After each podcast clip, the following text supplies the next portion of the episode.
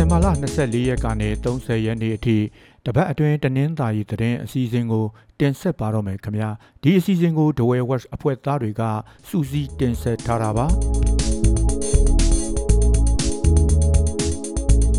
ရေဖြူမြို့အခြေစိုက်အမှတ်406 စစ်ကောင်စီချင်းမြန်တပ်ရင်းကိုတပ်ပြောင်းပစ္စည်းတွေတင်ဆောင်လာတဲ့ကားတစ်စီးကိုရေးတဝဲလမ်းပိုင်းမှာဖမ်းမိတယ်လို့တောင်ပိုင်းစစ်ဒေသအမှတ်3စစ်ဒေသခွဲဒုစစ်ဒေသကိုကေးရီမှုရုံးကထုတ်ပြန်ထားပါတယ်။အဲ့ဒီစစ်ကောင်စီတပ်ကားကိုဒီဇင်ဘာလ24ရက်မနေ့က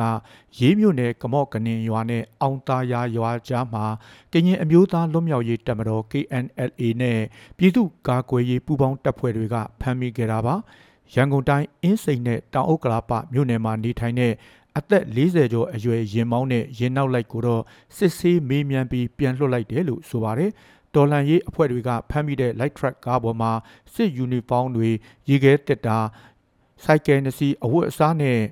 စစ်ဘက်ဆိုင်ရာစာရွက်စာတမ်းတွေတင်စီရမိခဲ့ပါတယ်။ရေးတဝဲလမ်းပိုင်းကိုအခုနှစ်လယ်ပိုင်းကစပြီးပြည်သူ့ကာကွယ်ရေးတပ်တွေကလမ်းပိုင်းစစ်ဆေးတာတွေလှုပ်ဆောင်နေတာပါ။ အမှတ်406ချင်းမြန်တပ်ရင်ဟာစကခရှိကိုကဲမှုအောက်မှာရှိပြီးကရင်ပြည်နယ်နဲ့ဒဝဲခရိုင်ထဲရှေ့တန်းထွက်နေရတဲ့တပ်ရင်ဖြစ်ပါတယ်။ KNU တပ်မဟာ၄ကဖမ်းထားတဲ့ PDF ရဲဘော်10ဦးဟာတည်င်းတပတ်ကျော်ကြာလာတဲ့အထိပြန်လွတ်မလာသေးဘူးလို့သိရပါတယ်။ ဒီဇင်ဘာလ18ရက်နေ့က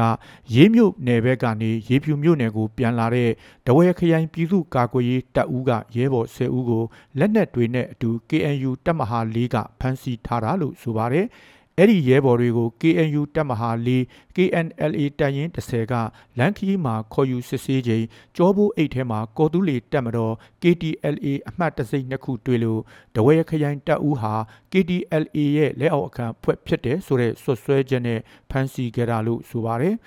တဝဲခရိုင်ပြည်သူ့ကာကွယ်ရေးတပ်ဦးကလက်နက်ခဲယမ်းတည်ယူရမှာကော်တူးလေရဲ့အကူအညီနဲ့တည်ယူရတာရှိတယ်လို့စစ်ရေးအရာလဲမဟာမိတ်ပူးပေါင်းထားတဲ့အတွက်ရင်းနှီးတဲ့ဆက်ဆံရေးရှိတယ်လို့တဝဲခရိုင်ပြည်သူ့ကာကွယ်ရေးတပ်ဦးတပ်ခွဲတာဝန်ခံကပြောပါတယ်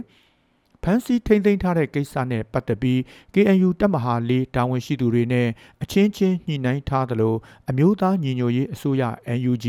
ကာကွယ်ရေးဝန်ကြီးဌာနကိုလည်းအကူအညီတောင်းခံထားတယ်လို့ဆိုပါတယ်။ ဒီကိစ္စနဲ့ပတ်သက်ပြီး KNU တပ်မဟာ၄မြိတ်ဒဝဲခရိုင်အတွင်းရေးမှူးဖတော်စောအဲနာကိုဆက်သွယ်မေးမြန်းထားပြီးမဲ့ပြန်လည်ဖြေကြားတာမရှိသေးပါဘူး KNU တပ်မဟာ၄နဲ့ဘိုအယ်ကွီခေါင်းဆောင်တဲ့ KTLA တပ်ဖွဲ့တို့ပဋိပက္ခတင်းမာနေပြီးကရင်လက်နက်ကင်တပ်ဖွဲ့တစ်ဖွဲ့နဲ့မပူးပေါင်းမပတ်သက်ဖို့ PDF တပ်ဖွဲ့တွေကိုနှစ်ဖက်စလုံးကတတိပေးထားပါတယ်။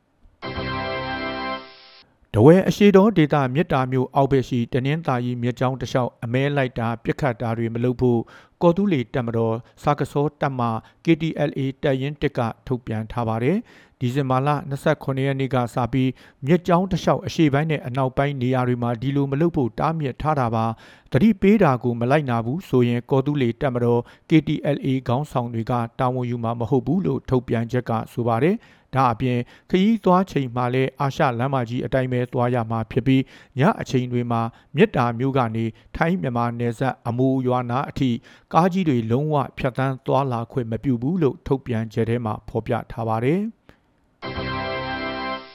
ဒီတစ်ပတ်မှာတော့လောင်းလုံးမြို့နယ်တောင်ပိုင်းရွာတွေမှာလှုပ်ခတ်မှုများတဲ့ကာလလို့ဆိုရမှာပါလောင်းလုံးမြို့ပေါ်မှာပြစ်ခတ်တက်ခိုက်မှုဖြစ်ပြီးနောက်တရက်မှာပဲလောင်းလုံးမြို့နယ်မိသက်တပ်ဖွဲ့တစ်ဖွဲ့လုံးဒီပါပြောင်းရွှေ့သွားကြပါတယ်ဒီဇင်ဘာလ22ရက်နေ့ကစပြီးမိသက်ဝန်ထမ်းတွေဟာအတုံးအဆောင်ပစ္စည်းတွေမိသက်ကားကိုယူဆောင်ပြီးတဝယ်မြို့ဘက်ကိုပြောင်းရွှေ့သွားကြတာလို့ဆိုပါတယ်။ မြို့နယ်မိသက်တပ်ဖွဲ့ဝင်တွေနဲ့မိသားစုဝင်တွေရဲ့လုံခြုံရေးအခြေအနေအရပြောင်းရွှေ့ထားရတာဖြစ်ပြီးလောင်းလုံးမြို့ပေါ်မှာမိသက်ရင်နှစ်စီးထားခဲ့သေးတယ်လို့ခရိုင်မိသက်ဦးစီးဌာနတာဝန်ရှိသူကပြောပါတယ်ဒီဇင်ဘာလ20ရက်နေ့ကလောင်းလုံးမြို့ပေါ်ကိုလက်နက်ကြီးလက်နက်ငယ်တွေနဲ့ပစ်ခတ်ခံရပြီးတဲ့နောက်တရက်အကြာမှာပဲပြောင်းရွှေ့သွားကြတာပါ လောင်းလုံးမြို့အောက်ဘက်ကြေးရွာတွေကိုစစ်ကောင်စီတပ်ကရေချောင်းကုန်းချောင်းကနေပိတ်ဆို့ပြီးစစ်ကြောင်းထိုးနေလို့ဒေသခံတွေစိုးရိမ်နေကြရပါတယ်စစ်ကောင်စီတပ်ကလောင်းလုံးမြို့အောက်ဘက်တဝဲမြကမ်းဘေးရှိဝေဒီနဲ့ကညုံကျွန်းရွာတွေကိုဒီဇင်ဘာလ28ရက်နေ့မနက်ကရေလန်းကနေရောက်လာကြတယ်လို့ဆိုပါတယ်ကညုံကျွန်းရွာရှိဘုံကြီးကျောင်းတစ်ကျောင်းမှာတပ်ဆွဲထားလိုက်တဲ့အပြင်ရွာနာကတဝယ်မြစ်ထဲမှာလည်းစစ်ကောင်စီတပ်သားတွေကလှေတွေနဲ့နေရာယူထားကြတယ်လို့ဆိုပါတယ်။ ဒါအပြင်ပြီးခဲ့တဲ့3ရက်လောက်ကစပြီးစစ်ပြဲနဲ့ညင်းမော်ရွာတွေကိုချီလျင်စစ်ကြောင်းတစ်ကြောင်းရောက်ရှိနေပြီးလက်ရှိမှာတော့အဲ့ဒီစစ်ကြောင်းကဘယ်ရောက်နေတယ်ဆိုတာမသိရဘူးလို့ဒေသခံတွေကပြောပါတယ်။အခုလိုကုန်းချောင်းရောရေချောင်းကပါပိတ်ဆို့ပြီးစစ်ကြောင်းထိုးနေလို့အနီးအနားရှိစစ်ပြဲညင်းမော်လေးသွန်းခန်ဝေဒီပြင်းထိန်စတဲ့ရွာတွေကဒေသခံတွေဘေးလွတ်ရာပြောင်းရွှေ့နေကြရပါတယ် ဒီဇင်ဘာလ28ရက်နေ့ညနေမှာတော့စစ်ပြဲရွာနဲ့လေးသွန်းခန်ရွာကနေအိမ်တွေကိုမီးရှို့ခဲ့တာပါတဝဲဝက်ကပြုစုထားတဲ့စည်ရင်အရာစစ်ပြဲရွာမှာနေအိမ်9ဆောင်လေးသုံးခန့်ရွာကြောက်လုံးကြီးကွင်းမှာနေအိမ်17ဆောင်လောက်မိရှုခံထားရတယ်လို့ဆိုပါတယ်။ဒါအပြင်အနီးဝန်းကျင်ရှိဂေါ်အင်းရွာကိုရောက်နေတဲ့စစ်ဆောင်တွေလည်းအဖမ်းခံထားရတယ်လို့ဆိုပါတယ်။ အဲ့ဒီအထက်ကတက်ကြီးရွယ်အိုနဲ့အမျိုးသမီးငယ်အချို့ကိုပြန်လှုပ်ပေးခဲ့ပေမဲ့လူငယ်အချို့ကိုတော့ဆက်ဖမ်းထားတယ်လို့ဆိုပါတယ်။တဝယ်မြို့ရဲ့အနောက်ဘက်ကမ်းမှာဒီဇင်ဘာလ26ရက်နေ့ကပောက်ကွဲမှုဖြစ်လို့အသက်8နှစ်အရွယ်ကလေးငယ်တဦးဒဏ်ရာအပြင်းထန်ရသွားခဲ့ပါတယ်။အဲ့ဒီကလေးငယ်ဟာလောင်းလုံးမြို့နယ်ကပူရွာရဲ့အနောက်ဘက်တင်းချိုင်းနာကတောဆန်မှာအခြားကလေးတွေနဲ့အတူဆော့ကစားနေချိန်အခုလိုပောက်ကွဲမှုဖြစ်ခဲ့တာပါ။ ပောက်ကွဲမှုကြောင့်အဲ့ဒီကလေးငယ်ရဲ့လေဘင်းတဝိုက်မှာဒဏ်ရာအပြင်းထန်ရသွားပြီးဒဝဲဆေးရုံကြီးမှာစိတ်ကူးတာမှုခံယူနေတယ်လို့ဆိုပါတယ်။ပောက်ကွဲမှုဖြစ်တဲ့အသေးစိတ်အကြောင်းအရင်းကိုတော့မသိရသေးပါဘူး။လောင်းလုံးမြို့နယ်မှာစစ်ကောင်စီတပ်ကဖမ်းဆီးပြီးရိုက်နှက်ခဲ့တဲ့လူငယ်တဦးဒီဇင်ဘာလ28ရက်နေ့ညကရန်ကုန်စီးရုံမှာတည်ဆုံသွားပါတယ်။ တဝယ်မြို့ပေါ်နေတဲ့အသက်18နှစ်အရွယ်ကိုကန်ရှိန်နဲ့အတူမွေးစားအမေအပါအဝင်လူလေးဦးဟာလောင်းလုံးမြို့နယ်ဂေါ်အင်းရွာကိုဒီဇင်ဘာလ18ရက်နေ့ကအလဲသွားချိန်စစ်ကောင်စီတပ်စစ်ကြောင်းနဲ့ရွာနာမှာတွေ့ခဲ့တာပါ။တပ်စစ်ကြောင်းနဲ့တွေ့ချိန်မှာကြောက်လက်တကြားထွက်ပြေးကြရာက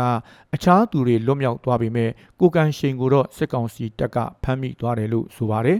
ဒီလိုဖမ်းမိတဲ့အချိန်မှာစစ်ကောင်စီတပ်ကရိုက်နှက်နှိပ်စက်လို့ရရှိတဲ့ဒဏ်ရာပြင်းထန်တဲ့အတွက်လောင်းလုံးစေးရုံကိုတင်ပို့ခဲ့ပေမဲ့စေးရုံကလက်မခံလို့ရက်အနှဲငယ်အကြာမှာရန်ကုန်စေးရုံကြီးကိုတင်ပို့ခဲ့ရတယ်လို့ဆိုပါတယ်။ရန်ကုန်ဆေးရုံကြီးမှာဆေးကုသပြီး3ရက်အကြာဖြစ်တဲ့ဒီဇင်ဘာလ28ရက်ည12နာရီလောက်မှာတော့ရထားတဲ့ဒဏ်ရာနဲ့တေဆုံးသွားတာပါ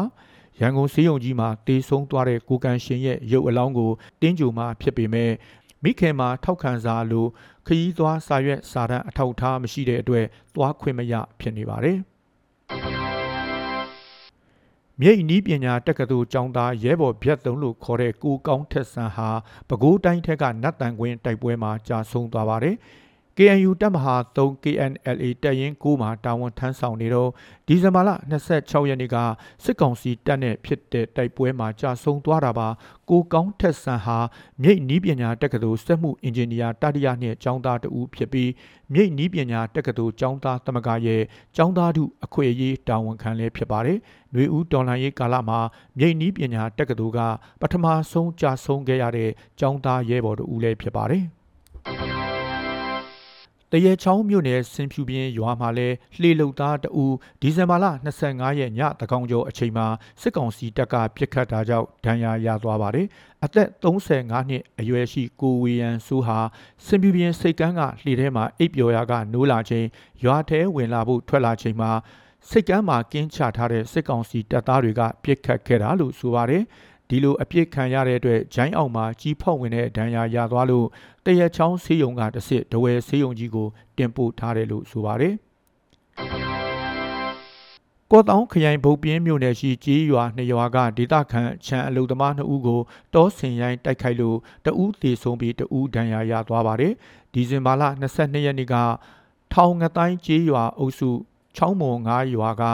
အသက်30ကျော်အရွယ်ကိုကျော်လွင်ဆိုသူတောဆင်ရိုင်းတိုက်ခိုက်ခံရလို့ခန္ဓာကိုယ်အောက်ပိုင်းဒဏ်ရာအပြင်းထန်ရပြီးဆေးရုံတင်ပို့လိုက်ရပါတယ်။ဒီဇင်ဘာလ24ရက်နေ့မှာတော့ရထားတဲ့ဒဏ်ရာနဲ့အဲ့ဒီအမျိုးသားဆေးရုံမှာတည်ဆုံသွားပါတယ်။အဲ့ဒီနေ့မှာပဲပန်းဖုံချောင်းရွာသားတဦးလည်းတောဆင်ရိုင်းတိုက်ခိုက်ခံခဲ့ရလို့ဒဏ်ရာရပြီးဆေးရုံတင်ထားရတယ်လို့ဆိုပါတယ်။